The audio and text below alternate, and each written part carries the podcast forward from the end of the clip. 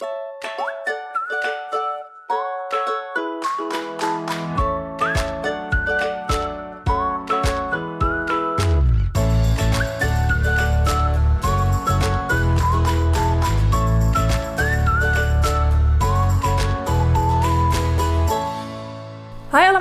welkom bij een nieuwe aflevering van de Wat ik wou dat ik wist podcast. De podcast waarin ik deel wat ik wel eerder had willen weten en verhalen vertel waar jij je als twintiger hopelijk in herkent.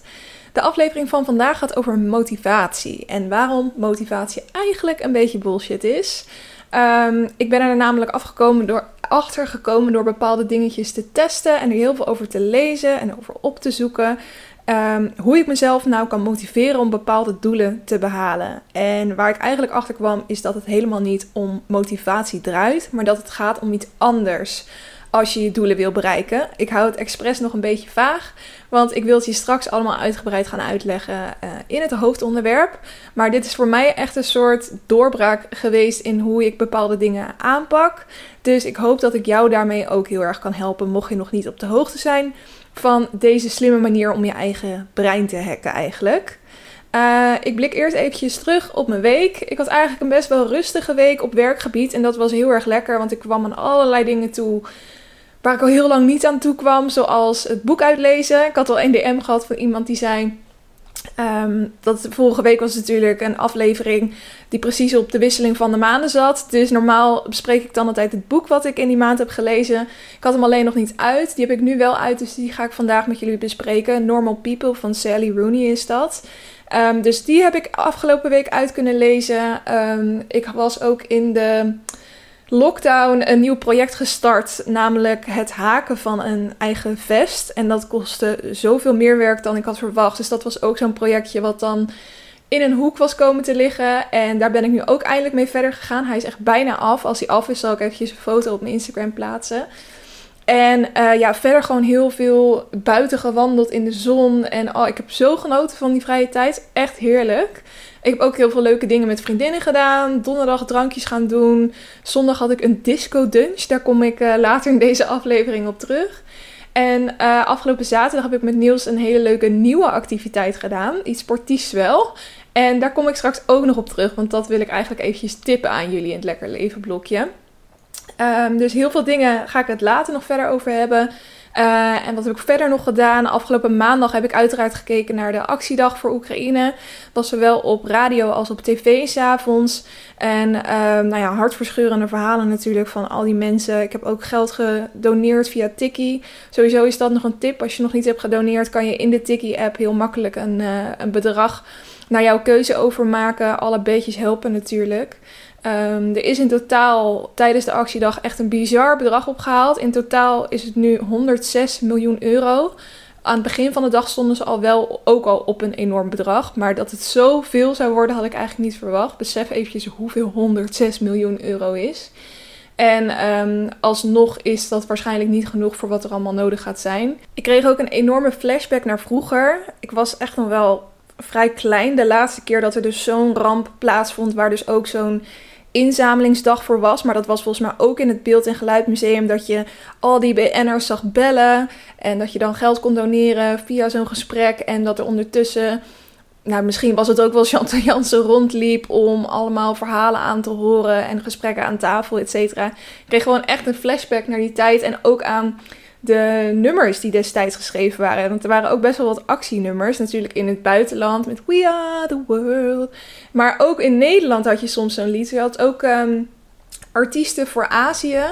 En dat was Als je iets kan doen. En dat nummer heb ik pas nog eens teruggezocht. En uh, dat is eigenlijk nog steeds best wel een goed nummer. Dus die moet je maar eens opzoeken. Misschien kan ik wel een heel klein stukje aanzetten. Dat is wel leuk eventjes als je vergeten bent hoe die gaat. Want ik ga niet meer zingen. Oké, komt-ie.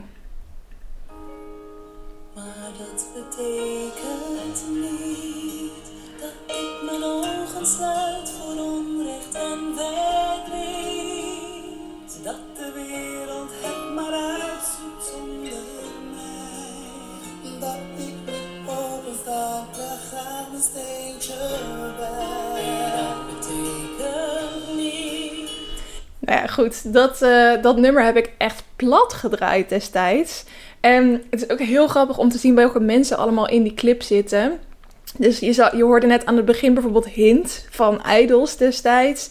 En Mout zat erin, Treintje Oosterhuis, die is natuurlijk nog steeds wel bekend. Maar ook allemaal van die mensen dat je denkt, ja, dat was toen een ding, maar nu niet echt meer. En dat zat ik ook te denken toen ik die show zat te kijken van die actiedag. Dat bijvoorbeeld zo'n Mo, dat meisje wat nu echt, um, nou ja, ik zie haar echt overal opeens, omdat ze natuurlijk die monster heeft gescoord.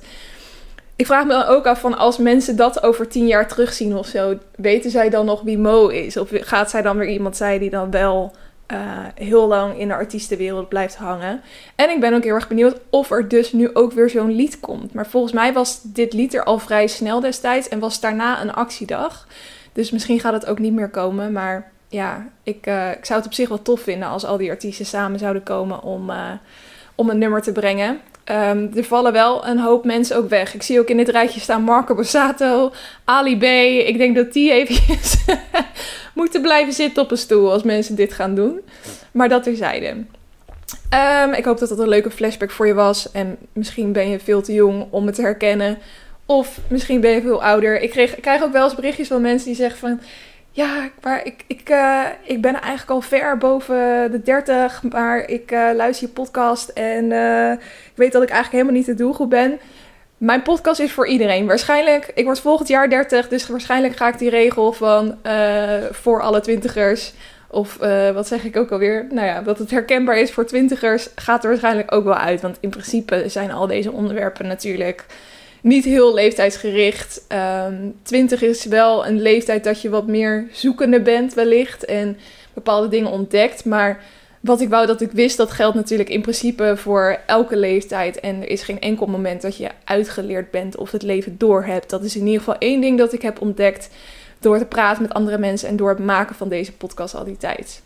Nou, genoeg gerambeld. Um, we gaan door naar het lekker loeren blokje. Waarin ik kijk wat voor celebrity nieuws er allemaal is geweest afgelopen week. En wat ik gewoon juicy dingen vind om met jullie te delen. Um, nou ja, één serie die ik dus heb gekeken, daar heb ik vorige week al over gehad, is Love is Blind seizoen 2. En wat ik nog niet wist, was dat er ook een reunieaflevering zou komen. Die reunieaflevering die staat inmiddels online. En ik vind echt, ik wil niet te veel spoilen, maar als je Love is Blind hebt gekeken, moet je het echt eventjes gaan kijken.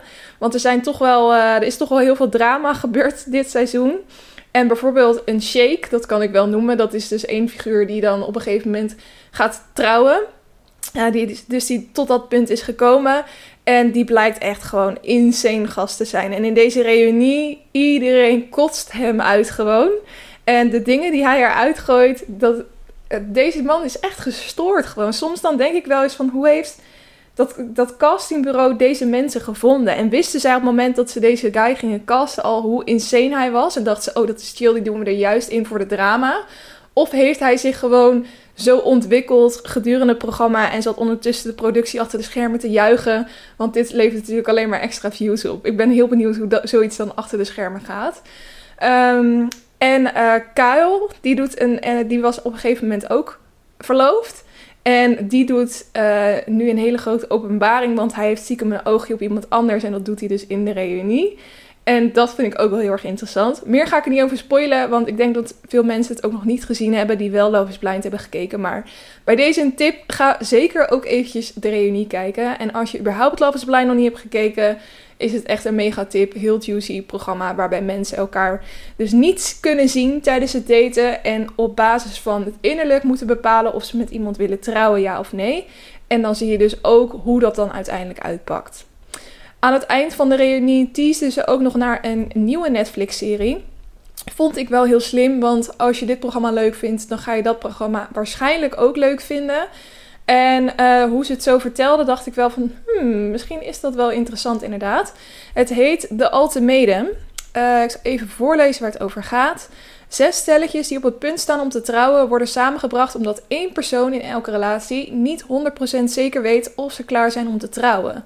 Om deze reden wordt er dus een ultimatum gesteld. Ze wisselen drie weken van partner en aan het einde van de rit bepalen de koppels of ze toegeven aan de wens van hun partner om te trouwen of dat hun wegen scheiden. In de tussentijd kiezen dus beide partners uit elk koppel een nieuwe potentiële partner. Op deze manier krijgen ze een glimp van twee verschillende mogelijke toekomsten.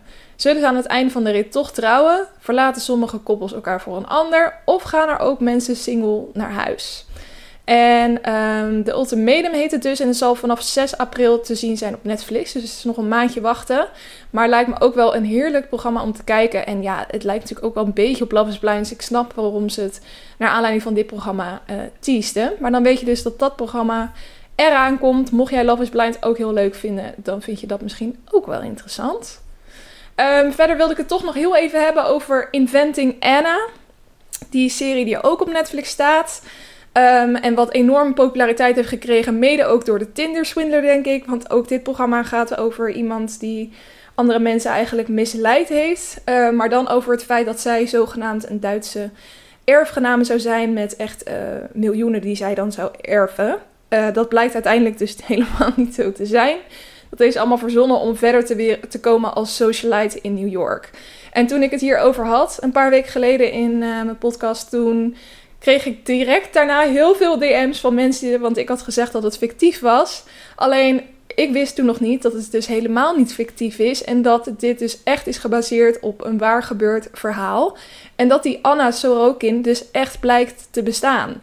Je hebt Anna Delvey, wat dan haar um, karakter is, zeg maar. Of zo noemt zij zichzelf. Maar ze heet eigenlijk Anna Sorokin. Dat is zo in, het serie, in de serie, maar dat is dus ook zo in het echt.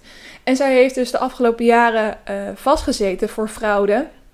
En um, je kan haar dus ook gewoon opzoeken. En dan zie je ook dat ze best wel op elkaar lijken. Ze hebben het echt heel goed gecast. Ik heb ook allemaal artikelen gevonden van wat klopt er van de serie uh, in vergelijking met real life. En er klopt ontzettend veel. Eigenlijk alle het bedrog wat je ziet, dat is in het echt dus ook zo gebeurd.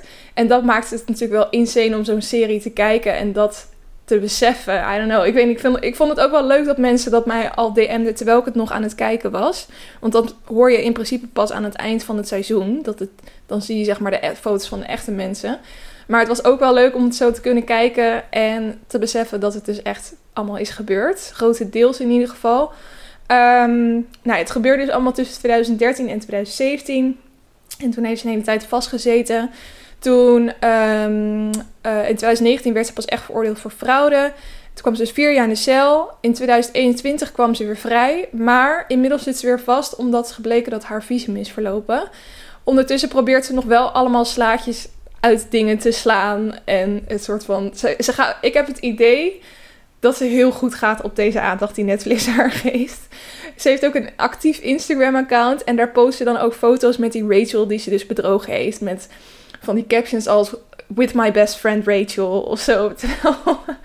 Dat natuurlijk heel anders is afgelopen. En um, ik hoorde ook dat zij de, de guard, zeg maar de bewakers van de gevangenis of waar ze nu ook zit, aanklaagt omdat uh, ze corona had gehad. En dat zou ze dan van die bewakers hebben gehad of zo. Dus um, ze is nog wel lekker druk bezig. En ik denk dat op het moment dat zij vrijkomt, uh, dat ze direct ook werk heeft. Wat dat werk dan ook gaat zijn. Want ze is, je kan zeggen wat je wil over haar, maar ze is wel gewoon een slimme zakenvrouw. En dat zie je ook heel goed terugkomen in die serie. Um, dus ja, dat was nog eventjes uh, na, ja, naar aanleiding van het feit dat ik Inventing Anna heb afgekeken. Ook nogmaals dus een hele grote tip op Netflix. Dan nog eventjes wat andere random nieuwtjes. Um, wat ik altijd heel interessant vind is wanneer ik erachter kom dat bepaalde, uh, uh, ja, bepaalde celebrities, bepaalde BN'ers er een, een zoon of dochter hebben die nu ongeveer mijn leeftijd is. Op het moment dat je zelf tiener bent, dan kijk je natuurlijk naar films bijvoorbeeld, uh, waar allemaal acteurs in spelen die wel ja, vaak vijf of tien jaar ouder zijn dan jij. En daar kijk je dan een beetje naar op. Maar ik besef heel vaak niet dat zij dan ook nog ondertussen een heel eigen leven hebben. En mensen ontmoeten en daar kinderen mee krijgen. En dat op het moment dat ik opgegroeid ben, dat, dat er, zij dan ook weer kinderen hebben die op dat moment de grote wereld ingaan. Nou ja, een voorbeeld daarvan is Steve Jobs. Die blijkt een dochter te hebben van 23 en die heet Eve. En ik kwam een artikel tegen waarin stond: dochter van overleden Steve Jobs tekent modellencontract. Want zij um, uh, heeft dus, uh, mag aan de slag gaan voor een modellenbureau genaamd DNA Model Management. Nou, ik natuurlijk gelijk haar Instagram helemaal uitpluizen. En uh, ja, ze is echt prachtig ook. Terwijl als je kijkt naar Steve Jobs, nou dat was nou niet echt de meest aantrekkelijke man. Dus dat heeft hij toch goed gedaan. En het is ook best wel een flink modellenbureau waarbij ze getekend is. Want Duitse Kroes is daar ook getekend. Kaya Gerber en Emily Ratajkowski. Um, ja, en wat ik dan ook wel grappig vind, is dat je hebt dan die foto van die Eve Jobs. En daar heeft dan weer Jennifer Gates op gereageerd. En dat blijkt dan weer de 25-jarige dochter van Bill Gates te zijn. En dan heb je dus allebei, ik weet niet, ik vraag me dan af hoe zo, hoe zo ik zou, dat zou ik dus ook al een interessante serie vinden. Hoe het is om op te groeien als dochter van Steve Jobs. En dan helemaal in dat wereldje te verkeren. En dan dus vriendinnetjes te hebben wiens vader dan Bill Gates is. En lijkt me ontzettend interessant. En dat je dan op een gegeven moment gescout wordt als model. Of misschien draag je jezelf wel aan. Uh, I don't know. Maar ik vind dat altijd wel, uh, wel interessant. En waar ik gisteren dus ook achter kwam, is dat um, van Euphoria, het meisje die uh, uh, Lexi speelt. Die heet in het echt Mout. Mout. Wij zouden gewoon Mout zeggen. Maar ik weet niet hoe het in het Amerikaans uitspreekt. Apatow. en zij is dus de dochter van Leslie Mann. En dat is echt een hele bekende actrice. En um, zij speelde bijvoorbeeld in Knocked Up. Uh, The Other Woman. This is 40. En 17 Again. Daar ken ik haar eigenlijk vooral van. Dat ze dus de, de vrouw van slash moeder van speelt. Want dan komt die man dus, die gaat dan terug naar het moment dat hij 17 was. En dan gaat hij soort van opnieuw zijn vrouw ontmoeten, maar die is dan dus veel ouder. Nou, als je hem hebt gezien, dan snap je het. Zac Efron speelt daar ook in. Ik vind het echt een topfilm, 17 Again. Maar dat soort besefmomentjes vind ik altijd leuk, gewoon. Dus dat wilde ik ook even delen. Um, verder, Maxime Meiland is ten huwelijk gevraagd. Er stonden hele mooie foto's op haar Instagram. Ze hebben natuurlijk al samen een kindje, dus het is niet super speciaal of surprising of zo. Maar wat ik altijd wel boeiend vind, is dat het zijn echt perfect gestileerde foto's. Je ziet, hij is vanuit de perfecte hoek genomen met het perfecte licht. Ze heeft een prachtige outfit aan. Hij ook. En het lijkt ook nog eens alsof die foto van heel dichtbij is genomen. Dus hoe gaat dat dan? Is het dan in scène gezet nadat ze al ten huwelijk is gevraagd? Om dan een soort van mooie foto's te hebben waarmee je het de wereld in kan brengen? Of heeft hij dan toch met een soort smoes een soort fotograaf geregeld die dan daar zo komt dat hij gewoon heeft gezegd van ja, we gaan een gezinsfotoshoot doen of whatever. En dat het dan opeens is, surprise, ik vraag je ten huwelijk. Um, maar ik vond het wel echt uh, hele mooie foto's, moet ik zeggen. En superleuk dat zij gaan trouwen natuurlijk. En het laatste wat ik nog wilde bespreken is dat het nummer van S10 bekend is gemaakt. Waarmee ze mee gaat doen aan het Songfestival. En het nummer heet De Diepte. En ik heb hem uiteraard geluisterd. Ik vond hem echt heel mooi. Ik had alleen niet het kippenvelmoment wat ik kreeg toen ik voor het eerst het nummer van Duncan Lawrence luisterde. Daarbij dacht ik echt van wow, dit zit super goed in elkaar. Hier zouden we nog best wel hoog mee kunnen komen. En ik vind alles wat S10 maakt eigenlijk heel goed. En uh, dit nummer is niet anders. Ik denk alleen niet dat we hiermee het Songfestival gaan winnen. Maar goed, het was natuurlijk ook wel... De kans dat je dat doet is zo klein. En ik vind het überhaupt al wel heel vet dat we nu een keer met een Nederlandstalig nummer uh, mee gaan doen. En het is wel echt een nummer wat in je hoofd blijft hangen. Ik, nu ik over het nummer heb, dan hoor ik hem alweer in mijn hoofd. Omdat dan... Ah, dat stukje, dat is natuurlijk gewoon wel heel erg herkenbaar. En dat kan natuurlijk wel weer voor zorgen dat je wat hoger komt. Omdat mensen denken, oh ja, dat nummer. Ik ben heel benieuwd hoe het, uh, hoe we het gaan doen op het Songfestival dit jaar. Dan gaan we door van het lekker loeren blokje naar het lekker leven blokje. En daarin geef ik jou allerlei tips om je leven leuker te maken. En uh, de eerste is een doetip en dat is bolderen. Want dat is dus hetgene wat ik afgelopen zaterdag met Niels heb gedaan. Um, af en toe proberen wij gewoon dit soort dingen. We zijn ook wel eens gaan padellen bijvoorbeeld. En um, nu had ik pas een etentje met een oud huisgenootje. En die vertelde dus dat zij helemaal fan was van bolderen. Dat ze dat echt twee keer per week deed of zo. Ze liet ook de kunst zien die ze daardoor had gekregen. Want je krijgt echt enorme armspieren ervan. En daar was ik best wel van door, onder de indruk. En ik dacht, ja, het lijkt me ook gewoon best wel leuk. Ik heb um, als kind een keer met een kinderfeestje in Den Haag bij de Uithof uh, geklommen. Alleen daar heb je hele hoge muren en dan zit je ook echt vast aan een touw. En bij bolderen is het dus zo dat de muur max 4 meter hoog is en dan ligt er gewoon een hele grote uh, mat waar je op kan vallen als je, ja, als je de top hebt bereikt of als je niet meer durft of whatever. Maar het is dus niet heel hoog. Ehm, en ik dacht, nou weet je wat, laten we gewoon eens een keer een proeflesje doen. Dus als zo'n boulderhal vlak, vlak bij ons huis.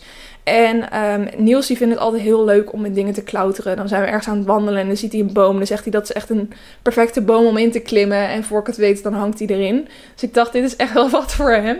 Dus ik deed het ook wel een beetje voor hem, maar ook wel een beetje voor mezelf. Maar het was een stuk uitdagender dan ik had gedacht. Hadden een groepje met twee kleine meisjes van acht of zo. En dan nog twee, ja, meer mensen van onze leeftijd, zeg maar, een meisje en een jongen. En um, sommigen hadden het al wel gedaan, sommigen nog niet. De meeste nog niet. En um, onze, we hadden dan een instructeur en die liet ons dan ja, een aantal dingen zien en parcours die je dan kan doen. Dus je hebt allemaal van die blokken op de muur waar je dan je voet op kan zetten en waar je aan kan hangen met je handen. En die hebben allemaal een kleur en de kleur geeft dan ook aan hoe moeilijk het is. En ze hebben allemaal verschillende vormen en die vormen maken natuurlijk ook uit, want bij de een heb je weer meer grip met je handen dan bij de ander. Um, de eerste paar die hij ons aanraadde om te gaan doen, die waren eigenlijk heel moeilijk. Toen kom ik niet eens bij het tweede blok aan. Dus op een gegeven moment zijn we naar wat andere overgegaan. En toen ging het op zich wel heel goed. En toen heb ik ook echt wel een aantal keer de bovenste aan kunnen tikken. Um, het is wel heel spannend. En als je iets spannend vindt, dan ga je natuurlijk ook een beetje trillen. En dat is heel onhandig als je omhoog probeert te klimmen. Maar het gaf ook wel weer een soort vette adrenaline rush of zo. Als het je dan dus toch wel lukte. En je soort van uitvolgde waar je dan je voet moest plaatsen en waar je hand. En dat je op zo'n manier omhoog kon klauteren. Ja, en voor Niels was het uh, eigenlijk een stuk makkelijker. Want hij is zo ontzettend lang dat hij heel vaak gewoon allerlei blokjes kon skippen. En binnen no time die 4 meter aanraakte eigenlijk. Maar um, was wel super succesvol. Niels vond het ook super leuk. Dus die gaat het waarschijnlijk wel vaker doen.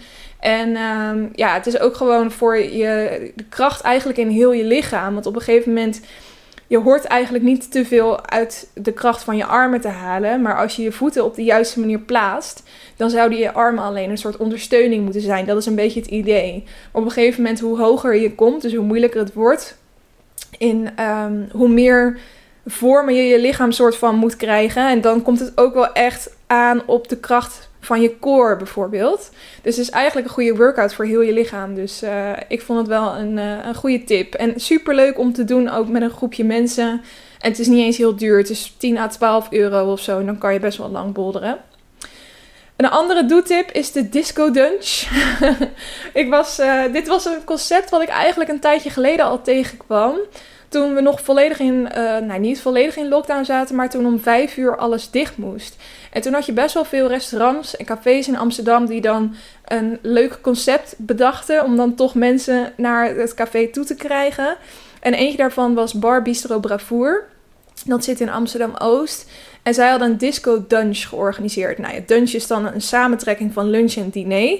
Dus oftewel, het is gewoon een diner, maar dan in de middag. Het kan ook een beetje denken aan een soort luxe Californische brunch, zeg maar. Um, maar dan met meerdere gangen. En het, er zit dus een disco gedeelte bij. Dus er is een DJ aan het draaien. En op de filmpjes die ik online zag, zag ik ook dat mensen op een gegeven moment echt wel opstaan van hun tafels en een beetje gaan dansen en zo. En zeker toen de clubs nog dicht waren, nou ja, dan was dit natuurlijk de uitgelegen kans om toch nog een beetje een feestje te hebben.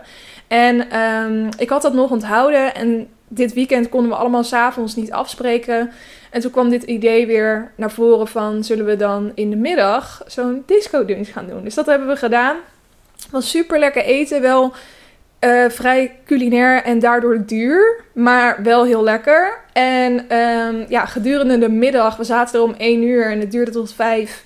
En eigenlijk rond drie uur ging dan de muziek al iets harder. En een paar mensen die gingen dan een beetje dansen. En iedereen was aan het drinken natuurlijk. Dus op een gegeven moment, om vier uur of zo, ging het echt gewoon los. Ze stonden daar maar met 25 mensen of zo. En het was gewoon alsof je aan het uitgaan was. Of het was dan al wel met daglicht, wat dan heel gek is. Het voelde als een soort uit de hand gelopen after, zeiden we eigenlijk tegen elkaar.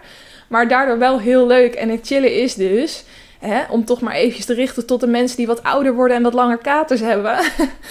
dat je, ehm, als je niet in de avond drinkt, dan op een gegeven moment op maandagmorgen, als het goed is, is je kater dan wel weer een beetje weg. Je hebt gewoon wat meer hersteltijd, omdat je overdag feest in plaats van s avonds. Dus nou ja, ik vond het wel een goede lifehack en gewoon een mega leuk feestje. Dus ik zal het ook eventjes in de beschrijving van de aflevering zetten als je daarin geïnteresseerd bent. Dan wilde ik nog een recepttip geven. Want ik ben zo iemand die eigenlijk uh, havermout altijd ontzettend goor heeft gevonden.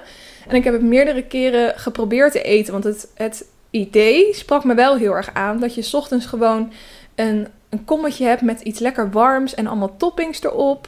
En ehm, dat deed me wel heel erg goed op zich. Dus ik dacht, misschien moet ik dat gewoon een paar keer gaan proberen. Nou, ik heb het geprobeerd met appel en kaneel en overnight oats en weet ik veel allemaal. Maar ik kon gewoon de consistentie van die havermout niet aan. En de smaak vond ik ook niet lekker. Dus je moest er allemaal dingen mee doen om het lekker te maken. En ehm, toen ben ik eigenlijk een hele tijd mee gestopt. En toen kwam ik weer een, uh, een recept tegen van een of andere fitness influencer die ik volg. En toen dacht ik, ik ga het gewoon weer een keertje proberen. Want het is ook wel heel goed voor je als je veel sport. Omdat er ook wel uh, proteïne in zit. En het vult gewoon heel erg. Dus um, dat is eigenlijk wel wat je wil met eten natuurlijk. Dat het ook niet uh, snelle calorieën zijn, maar ook calorieën die je lang vol laat zitten. Dus ik dacht, ik ga het gewoon weer proberen. En het is dus havermout. Um, en daar giet je een scheutje melk bij. Havermelk kan het zijn, maakt niet uit. Dan doe je dat anderhalve minuut in de magnetron. Dan wordt het helemaal warm. Je kan natuurlijk ook in een pannetje doen. Maar dat vond ik dus ook heel irritant toen ik de eerste keer havermout at. Dat ik daarna een pan moest gaan afwassen voor mijn ontbijt. Dat ik dacht, nou ja, ik, uh, ik doe dat liefst eigenlijk alleen met het avondeten. Eigenlijk liever helemaal niet afwassen. Dus dit vond ik ook wel een goede hack. Gewoon anderhalf minuut in de magnetron. En dan even doorroeren. En dan is het ook lekker warm. En daar doe je dan nog banaan en frambozen bovenop. En een uh, schep 100% pindakaas. Dat maakt het het allerlekkerst. Zonder dat zou ik het denk niet eens lekker vinden, maar dat maakt het echt. En een klein beetje honing. En als je dat dan allemaal mixt met elkaar, dan heb je echt een heerlijk hapje in de ochtend. En sinds ik dat maak, kijk ik eigenlijk elke ochtend heel erg uit naar mijn ontbijt. En dat had ik nooit verwacht dat ik het leuk zou vinden om met havermout te ontbijten. En ik denk ook wel, ik zal het linkje in de beschrijving zetten dat je het recept kan vinden. Want uh, die fitness influencer had er dus een reel van gemaakt, van het recept, hoe ze dat maakt. Um, ik denk wel dat als je nog nooit havermout gegeten hebt, dat je zelfs bij dit recept ook denkt van gadverdamme havermout. Want je verandert natuurlijk nog steeds niks aan de consistentie van havermout. En dat is wat het voor mij in het begin ook heel vies maakte.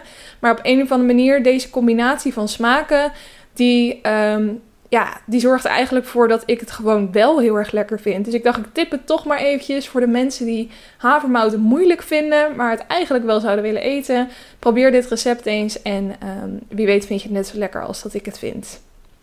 Tot slot, een leestip. Natuurlijk het boek van de maand uh, februari, inderdaad. Normal People van Sally Rooney heb ik in die maand gelezen. En um, ik heb er dus iets langer over gedaan, omdat ik een beetje druk had. Maar uiteindelijk heb ik hem uitgelezen en ik vond het echt een fantastisch boek. Dus daarom is het ook echt een leestip wat mij betreft. Het gaat dus over een koppel dat elkaar leert kennen op de middelbare school. En eigenlijk ontwikkelen ze samen een hele bijzondere band. En um, je volgt hun gedurende de middelbare schoolperiode.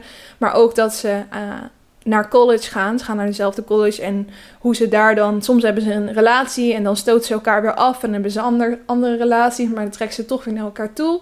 Um, en ondertussen dealen ze beiden met bepaalde onzekerheden en mentale problemen. En wat ik eigenlijk heel erg bijzonder vond aan dit boek... is dat de auteur echt perfect weet te verwoorden hoe die mentale issues en hoe gedachtegangen zich in de hoofden van die personages afspelen. Echt zo goed beschreven dat ik me er heel vaak ook gewoon in herkende. Terwijl ik niet eens met dezelfde problemen deal of zo, maar gewoon de manier waarop ze het beschrijft, kan je volledig verplaatsen in die personages. En dat vind ik zo ontzettend knap. En dat heb ik ook wel gemerkt toen ik zelf een poging deed om een boek te schrijven. Het is heel moeilijk om je als auteur zo erg in te leven in een personage dat je gewoon de gedachtegangen en elke actie op zo'n manier kan verwoorden dat de lezer precies begrijpt waarom die persoon die stappen neemt, ook al zijn ze niet dezelfde persoon. En ehm, ik was echt heel erg onder de indruk van de manier van schrijven. Dus ik heb deze auteur ook wel echt voor mezelf genoteerd van dat ik hier vaker boeken van wil gaan lezen. Want ik vond het heel goed in elkaar zitten. Ehm, het heeft wel een open einde, dus dat vond ik een beetje jammer. Ik ging nog opzoeken of er een deel 2 was, maar kon ik niet vinden. Het is dus wel ook een serie op NPO 3.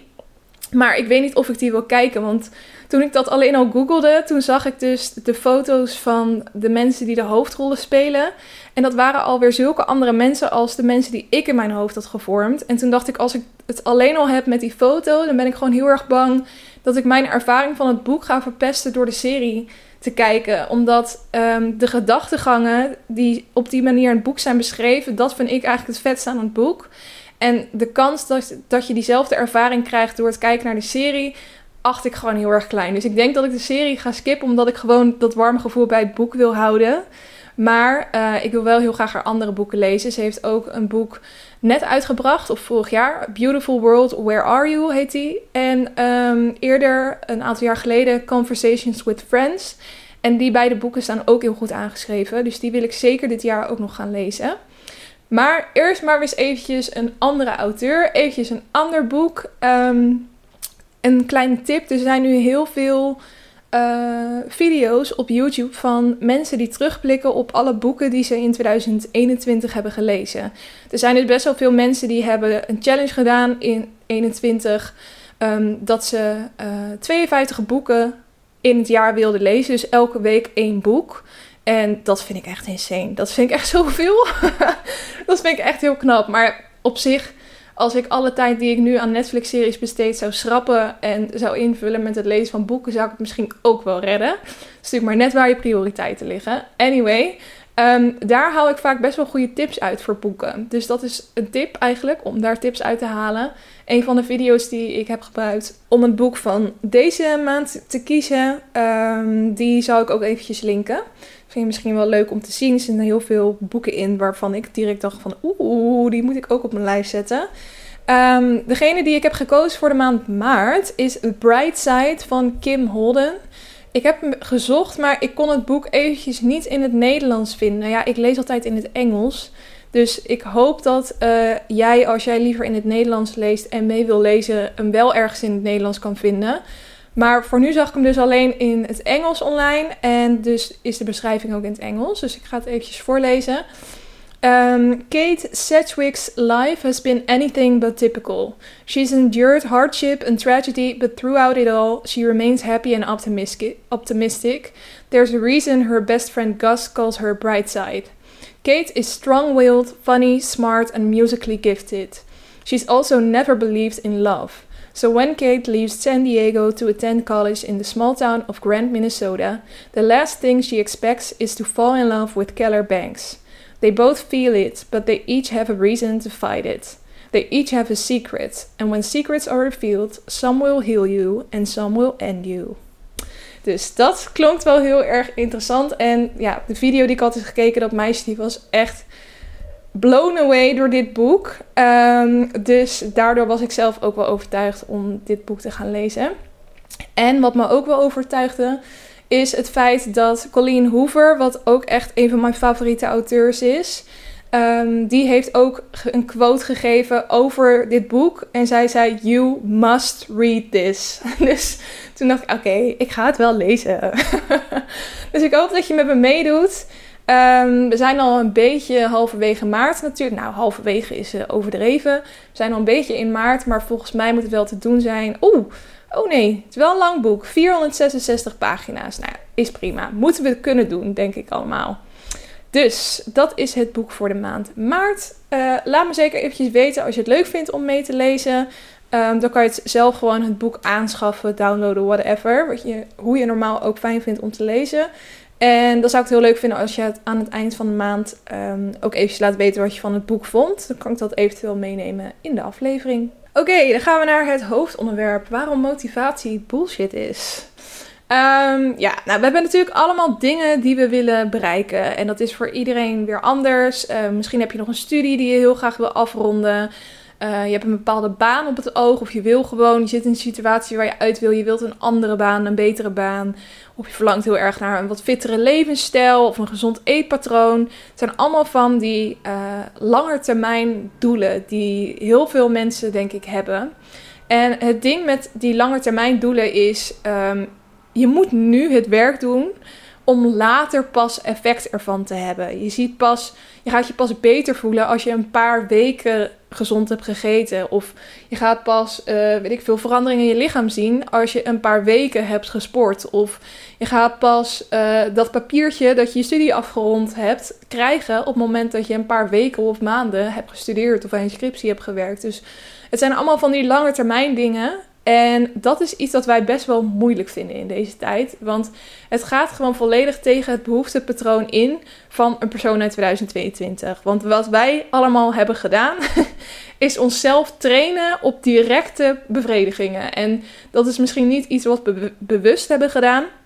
Maar dat is gewoon een soort ja, uh, bijeffect van de samenleving waar we nu in leven. Kijk maar naar uh, Gorilla's en Flink en al die services. Als je nu zin hebt in chocolade, dan kan je bestellen en heb je het binnen 10 minuten in huis. Als je nu zin hebt in vermaak, dan open je TikTok en dan ben je zo weer een paar uur verder.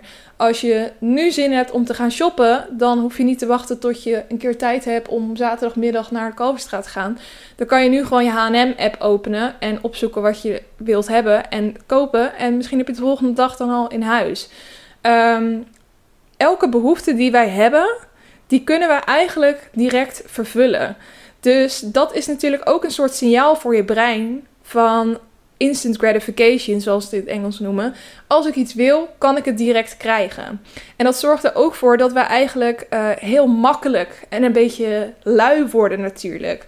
Want op het moment dat je gewend bent dat als je iets wilt krijgen, um, dat je het in principe ook vrij snel kan krijgen en dus die behoefte kan vervullen, dan ga je ook minder moeite doen voor doelen waarbij uh, je langere tijd aan moet werken en die wat meer moeite kosten en waar je niet direct het effect van ziet. Want jouw brein zegt dan eigenlijk, ja hallo, dit hadden we niet afgesproken, dit vind ik niet leuk, ik wil direct het effect ervan zien. Net als mensen die dus één keer um, hun apps trainen en dan direct in de spiegel kijken: heb ik al apps? We hebben het allemaal een keer gedaan, denk ik. maar goed, dat, dat lange, die lange termijn doelen, zoals scriptie afschrijven, gespierd worden, wat het dan ook is, die hebben gewoon meer tijd en dus ook meer motivatie nodig. En dat betekent ook dat er meer mogelijkheden zijn in die tijd dat je aan die doelen werkt om weer gedemotiveerd te worden. Misschien ken je dat zelf ook wel dat je aan het studeren bent of aan het werk bent en um, je merkt dat je energie gewoon een beetje omlaag gaat en je ziet je mobiel liggen en je weet dat je daar direct een serotonine boost van gaat krijgen. Dus pak je mobiel erbij en je opent Instagram, want je had daar een paar meldingen van. Oh leuk, iemand heeft mijn foto geliked. Of je opent TikTok, nou eventjes een paar video's kijken. Nou, nog een paar dan. Oh, dit is toch wel heel leuk. Oh, ik stuur deze eventjes door naar een vriendin. Oh, ik kan ook gelijk eventjes die persoon appen. En voor het weet ben je een paar uur verder. En heb je dus eigenlijk niet aan het doel gewerkt waar je aan wilde werken. En waar je op dat moment heel geconcentreerd mee bezig bent. Maar het is gewoon zo makkelijk om afgeleid te worden. En dat leidt natuurlijk ook uh, ja, tot het feit dat jouw motivatie gewoon weggaat. En het is daarom best wel logisch dat er heel vaak wordt gegoogeld. Hoe motiveer ik mezelf? Hoe krijg ik meer motivatie? Hoe werk ik aan motivatie? Motivatie is echt zo'n zo'n buzzword, omdat we er allemaal heilig in geloven dat dat soort van hetgene is wat ons gaat leiden tot het bereiken van onze doelen. En um, ja, over dit onderwerp, over motivatie in het algemeen, zijn echt hele boeken over geschreven. Hoe je jezelf motiveert. Ik heb zelf ook wel eens een aantal podcastafleveringen over gemaakt. Hoe je jezelf kan motiveren. En um, nou, er is ontzettend veel over te zeggen. Ook heel veel goede dingen. Maar eigenlijk ben ik zelf gewoon tot de conclusie gekomen dat motivatie niet werkt.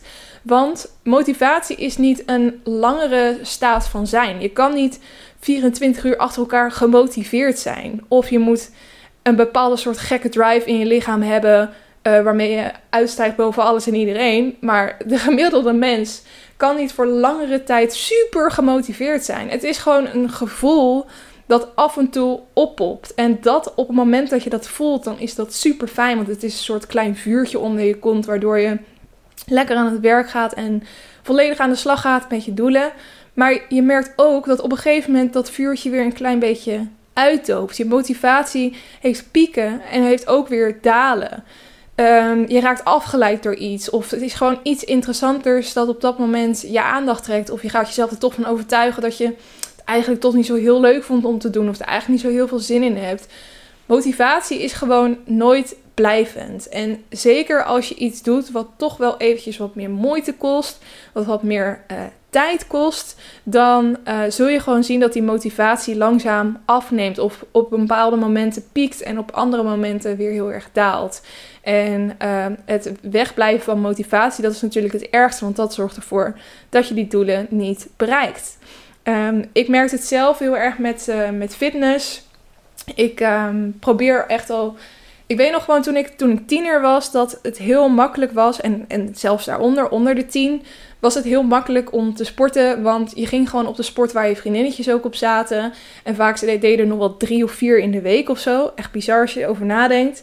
En um, dat, daar ging je gewoon elke week naartoe. Van die groepslessen met, met andere mensen. En ik heb echt zoveel dingen gedaan. Tennis en dans en hockey. Nou, noem het maar op. Um, en toen op een gegeven moment toen ben ik met al die dingen gestopt. Ook omdat je dan gaat studeren in een andere stad. Je moet dingen zelf gaan betalen. En het is toch allemaal best wel duur. Je gaat toch nadenken, vind ik het eigenlijk allemaal wel leuk genoeg? Je krijgt gewoon andere prioriteiten. En op een gegeven moment, op het moment dat je dan meer besluit van ik wil weer sportief gaan worden en iets gaan doen toen besefte ik eigenlijk dat ik helemaal geen behoefte had aan zo'n groepsles. En dat ik dat eigenlijk niet zo super leuk meer vond. Maar ik wilde wel iets gaan doen. En toen heb ik mezelf heel erg ertoe proberen te zetten om te gaan fitnessen. Of om toch bepaalde danslesjes te nemen. Of thuis dan met een workout te gaan doen. Chloe Ting heb ik natuurlijk een tijd gedaan. En eigenlijk merk ik afgelopen jaren dat het elke keer met ups en downs gaat. Dat ik dan een paar maanden super gemotiveerd ben. En uh, ook foto's aan het maken ben. En aan het opschrijven dingen van de afmetingen of whatever. En dan helemaal zin heb om een bepaalde challenge af te maken. En na een paar weken dan appt het allemaal weer weg. En dan ben ik eigenlijk totaal niet meer aan het sporten. En dan denk ik, ja, waarom wilde ik destijds eigenlijk sporten? Uh, dat is toch helemaal niet nodig. Ik ben prima. Uh, ik voel me prima. Dus het hoeft allemaal niet.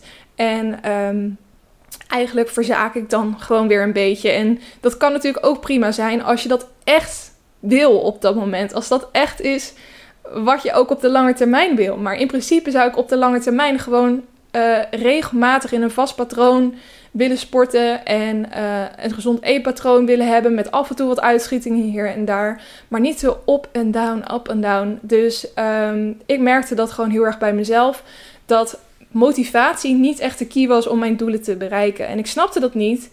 Want ik wilde wel heel graag mijn doel bereiken, maar waarom liet ik me dan zo afleiden? Waarom was ik zo slecht in mezelf motiveren? En inmiddels snap ik waarom motivatie gewoon niet werkt. Want het kost best wel veel moeite om jezelf te motiveren. En je brein kiest altijd de makkelijkste weg. Dus je gaat al snel excuses voor jezelf verzinnen. Waarom die makkelijkste weg een prima weg is. Van joh, het is echt niet erg dat je een keertje niet gaat. Of het is echt niet erg als je nu in plaats van studeren eventjes met vrienden ergens een drankje gaat doen. Of wat voor reden je dan ook verzint bij wat voor bijpassend doel dan ook. Um, maar ondertussen zit je wel jaloers te wezen op het feit dat andere mensen wel de doelen behalen die jij eigenlijk zelf ook wilde behalen. En daar zit natuurlijk een beetje de crux van als je dat voelt, van kut, zij doen het wel. En eigenlijk had ik dat ook wel gewild, maar ik heb mezelf soort van wijs gemaakt dat ik dat niet meer hoef of wil. Dan gaat er natuurlijk iets mis, want dan ben je dus blijkbaar gewoon afgeleid van het doel wat je wel had willen behalen. En als je dan naar die andere mensen kijkt, dan is de vraag: hoe hebben ze dat gedaan? Hoe hebben ze die doelen behaald? Uh, dat is natuurlijk de hamvraag altijd. Nou, één verhaal, één, uh, één geheimpje wat ik kan verklappen. Dat is dus niet door motivatie. Want ik heb meerdere boeken gelezen en video's gekeken over dit onderwerp. En de conclusie daarvan is eigenlijk: motivatie is gewoon bullshit. Want dat is niet wat jou uiteindelijk tot je doel krijgt. Het gaat om gewoontes. Want we weten allemaal dat mensen gewoontedieren zijn. We hebben gewoon bepaalde routines en daar zien we niet heel graag vanaf. Daar hebben we onszelf op getraind. Mensen houden daarvan om bepaalde routine te hebben. Um, als jij elke avond bijvoorbeeld een colaatje uit de koelkast pakt, uh, elke keer rond 8 uur na het eten, dan zal je lichaam op een gegeven moment elke avond om 8 uur een seintje geven dat er iets mist. En dan denk je van wat mis ik nou? En dan denk je, oh lekker, colaatje. En je loopt naar de koelkast om die cola te pakken.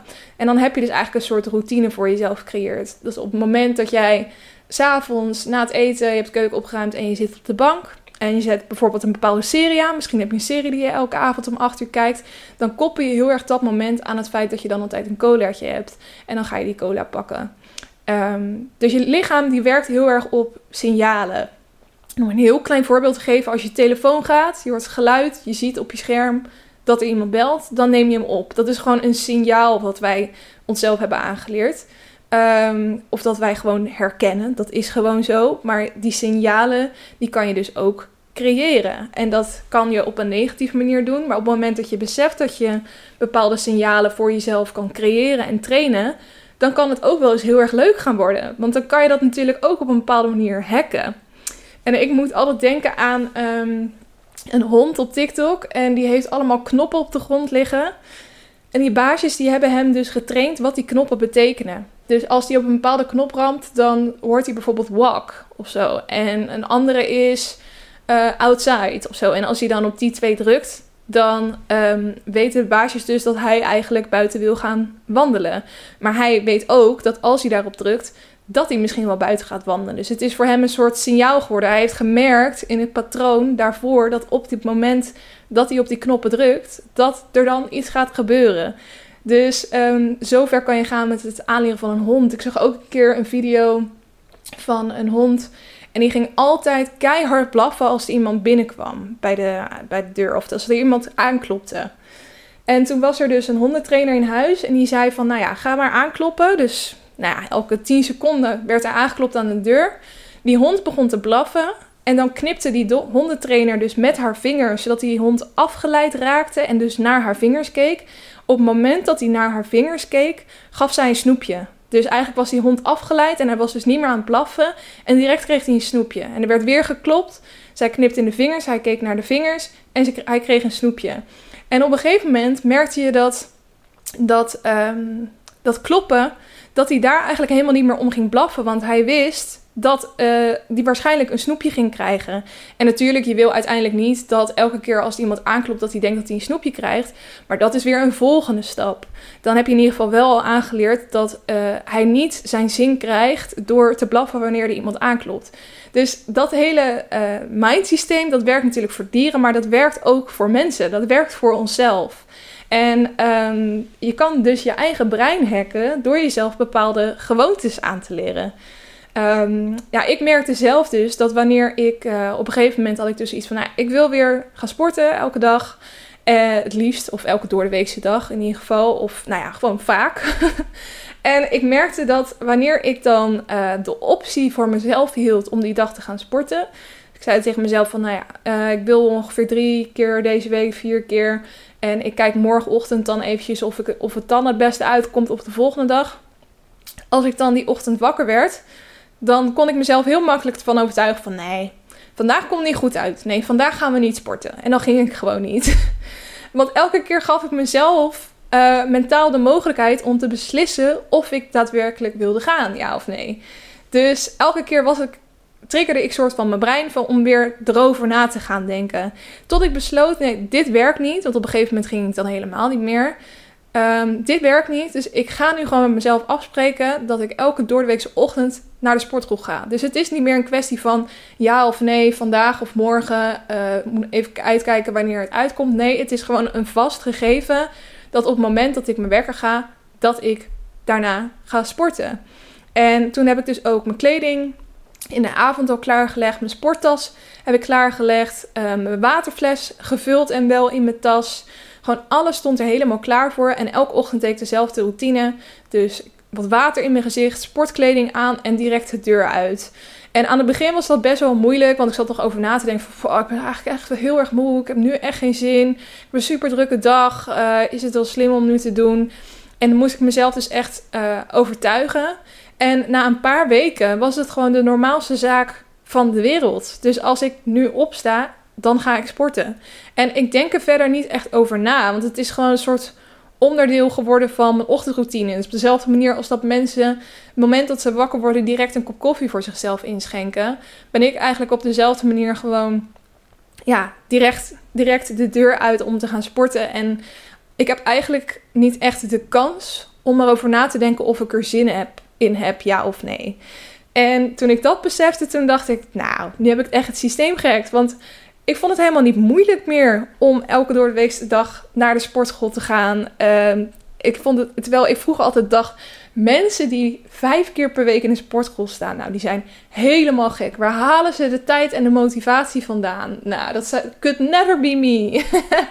en nu doe ik het gewoon al een aantal weken en daar ben ik stiekem ook best wel trots op.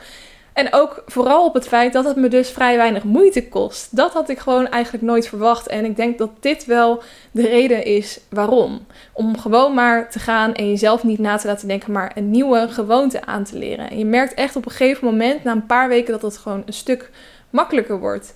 En het werkt natuurlijk ook zo voor andere dingen. Dat stel jij hebt nog een scriptie die je af moet maken en je ziet er gewoon heel erg tegenop. Als jij dan met jezelf afspreekt ik ga elke ochtend van 10 tot 12 geconcentreerd aan mijn scriptie werken. En je zorgt dat je allerlei, dat je ochtendroutine eigenlijk precies hetzelfde is. Dat je elke dag om 10 uur zo in de situatie zit. De ideale situatie voor jou om je te concentreren op je scriptie. En je zorgt er ook echt voor dat je die uren pakt om te werken aan je scriptie. De eerste paar keren ga je het waarschijnlijk heel lastig vinden om erin te komen, om geconcentreerd te blijven.